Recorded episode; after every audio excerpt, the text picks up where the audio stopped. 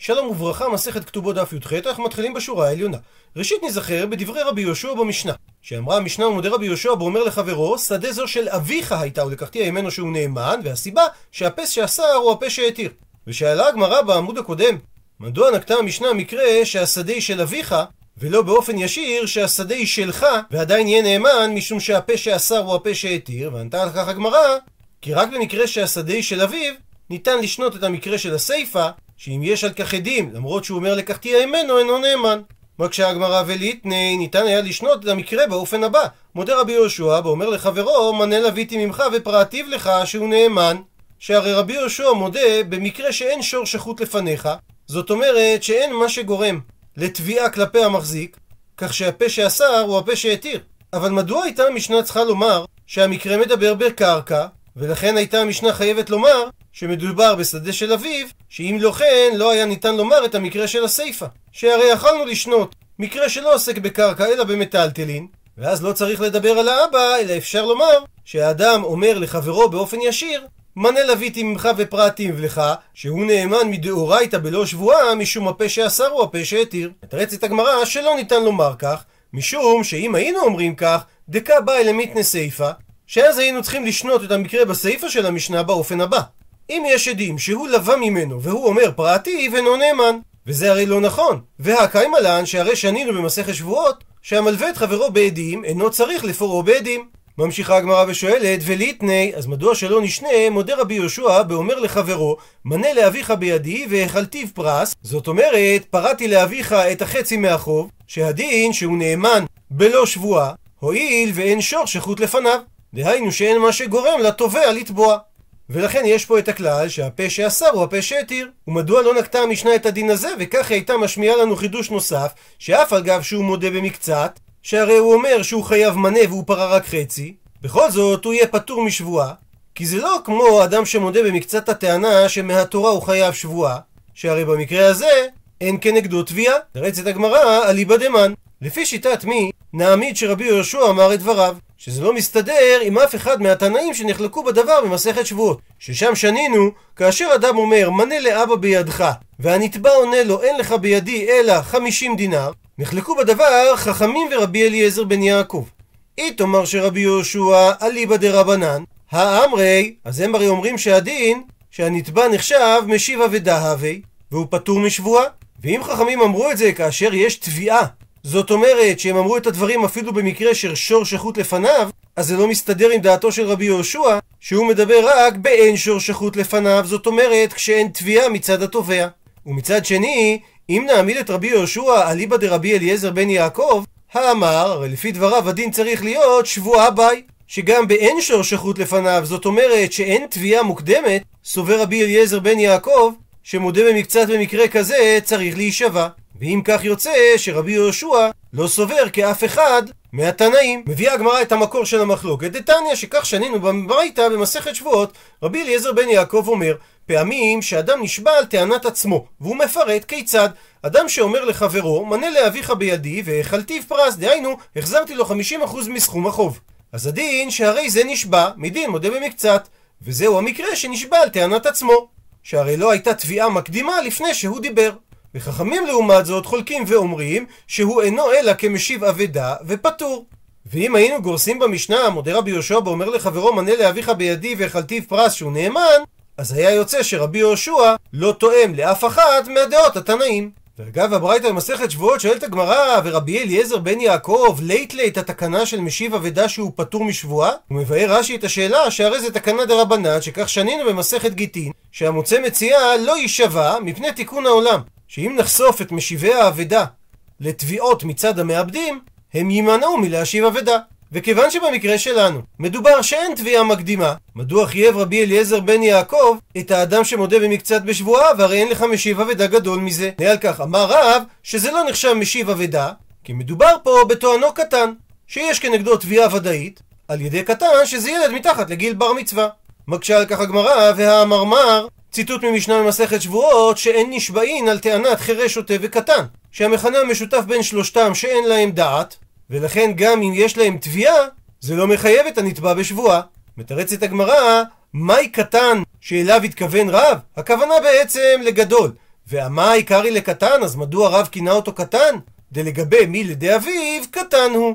שכמו שקטן לא בקיא בעסקי עצמו, כך האדם הזה, שבאופן יחסי, למרות שהאדם הזה הוא גדול, לעניין העסקים של אבא שלו, הוא כאילו קטן.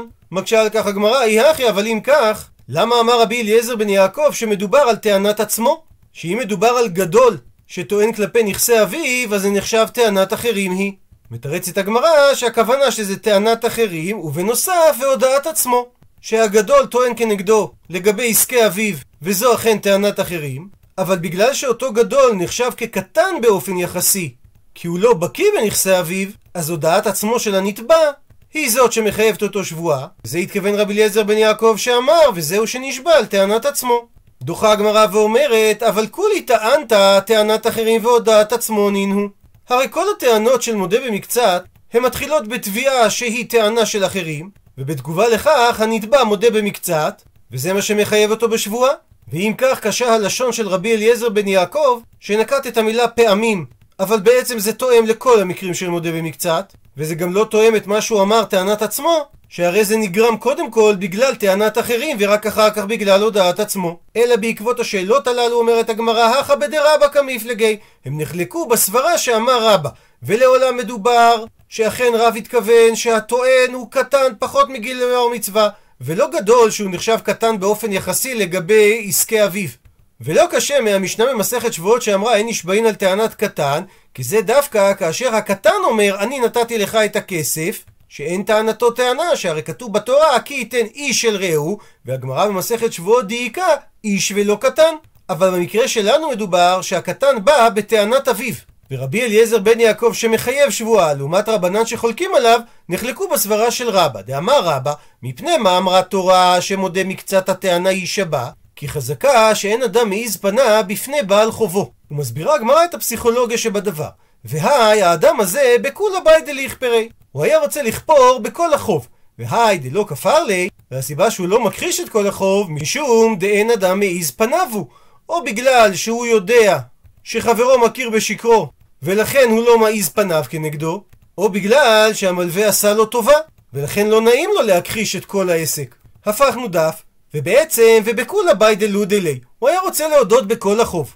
והי דלא דילי, בכל זאת הסיבה שהוא לא מודה בזה, כי היכי דלשתמית לי, כדי שבאופן זמני הוא יוכל להשתמט ממנו ולא לשלם לו, וסבר, עד דהבה לזוזי ופרן עלי. כשבהמשך יהיה לי כסף, אני אחזיר לו את החוב.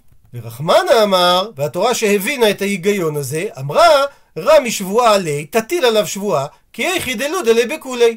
כדי שהוא יודה למלווה עכשיו בכל החוב. עד לכאן ההסבר של רבא בדין מודה במקצת שחייב בשבועה, ובדבר הזה נחלקו התנאים.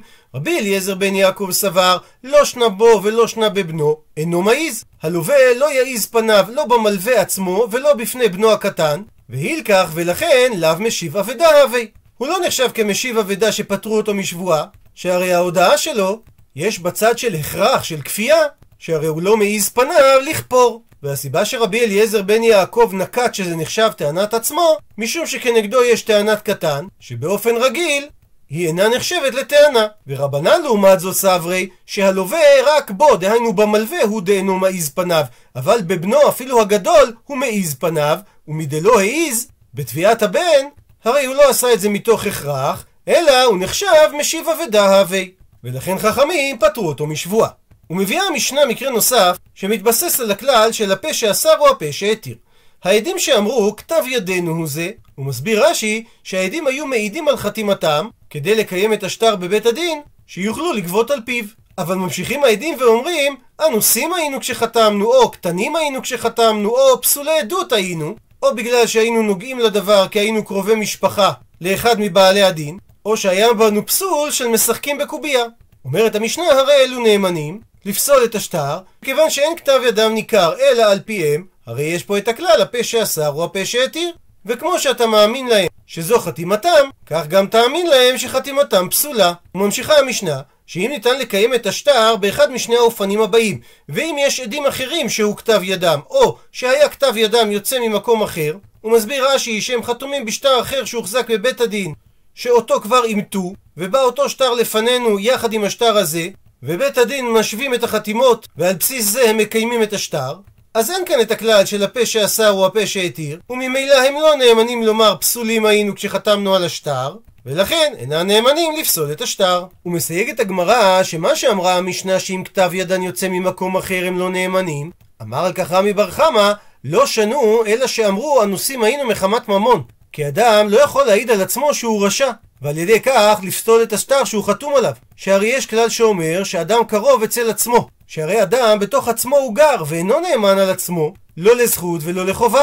כך שלא ניתן לומר שהם פוסלים את עצמם כשהם אומרים חתמנו שקר בשביל אונס ממון. אבל אם הם אומרים הנושאים היינו מחמת נפשות, כי אמר בעל השטר הזה להורגנו והוא אדם חזק והיה לנו ממה לחשוש, אז במקרה כזה הרי אלו נאמנים. וכל זה מתייחס כמו שאמר רש"י, לסיפא של המשנה, למקרה שיש עדים שהוא כתב ידם, או שהיה כתב ידם יוצא ממקום אחר, אבל ברישא של המשנה הם יהיו נאמנים אפילו הם מרשיעים את עצמם, כגון שהם אומרים שהם פסולי עדות היו, משום שהפה שאסר הוא הפה שהתיר. רק שעל כך אמר לרבה לרמי בר חמא, כל כמיני, האם לעד יש כוח לפסול את עדותו הראשונה אפילו אם הוא אומר שהוא היה אנוס מחמת נפשות? והלוא יש לנו כלל שאומר שכיוון שהגיד העד שוב אינו חוזר ומגיד. והמקור לכך זה לשון הפסוק שאמרה התורה לגבי אדם שיודע עדות לחברו ולא מעיד לו, אם לא יגיד, ונשא עוונו. ומלשון הפסוק לומדים שלגבי עדות, אדם צריך להגיד את עדותו פעם אחת. וכאן גם, כיוון שהם כבר חתומים על השטר, אז זו ההגדה הראשונה שלהם, ואיך הם נאמנים לעקור אותה. שהרי מדובר שכתב ידם יוצא ממקום אחר, וממילא אין להם את הנאמנות של הפה שאסר או הפה שהתיר. והקושייה הזאת לא קיימת על הרישא של המשנה, ששם אין כתב ידם יוצא ממקום אחר, וממילא אנחנו סומכים על מה שהם אומרים, וכל מה שהם אומרים נחשב כהיגד אחד, שהרי באותו דיבור הם אומרים שזה כתב ידם, אבל אנוסים היינו. חי תימה, ואולי תרצה לתרץ ולומר, הני מילי זה שאמרנו שכיוון שהגיד שוב אינו חוזר ומגיד, זה דווקא בעדות על פה. כגון אדם שמעיד בבית דין, ולאחר זמן של כדי דיבור, הוא בא לשנות את מה שהוא אמר. אבל אולי בשטר לא קיים הכלל הזה, שהרי לשון הפסוק זה הגדה, שכתוב אם לא יגיד. אבל לא ניתן לתרץ כך שהרי והאמר יש לקיש, עדים החתומים על השטר נעשה כמי שנחקרה עדותן בבית דין. כך שגם עדות בשטר קיבלה תוקף בבית הדין כמו עדות על פה, וממילא גם לגבי השייך הכלל שכיוון שהגיד שוב אינו חוזר ומגיד. ואם כך קשה על רמי בר חמא, שאמר שאם העדים אומרים שהם היו אנוסים מחמת נפשות, הם נאמנים לפסול את השטר. אלא אומרת הגמרא, כי איתמר, כאשר נאמרו דברי רמי בר חמא, הרישא איתמר, הם נאמרו על הרישא של המשנה, שאמרה המשנה, העדים שאמרו כתב ידינו הוא זה, ומיד המשיכו ואמרו, אנוסים היינו, קטנים היינו, פסולי עדות היינו.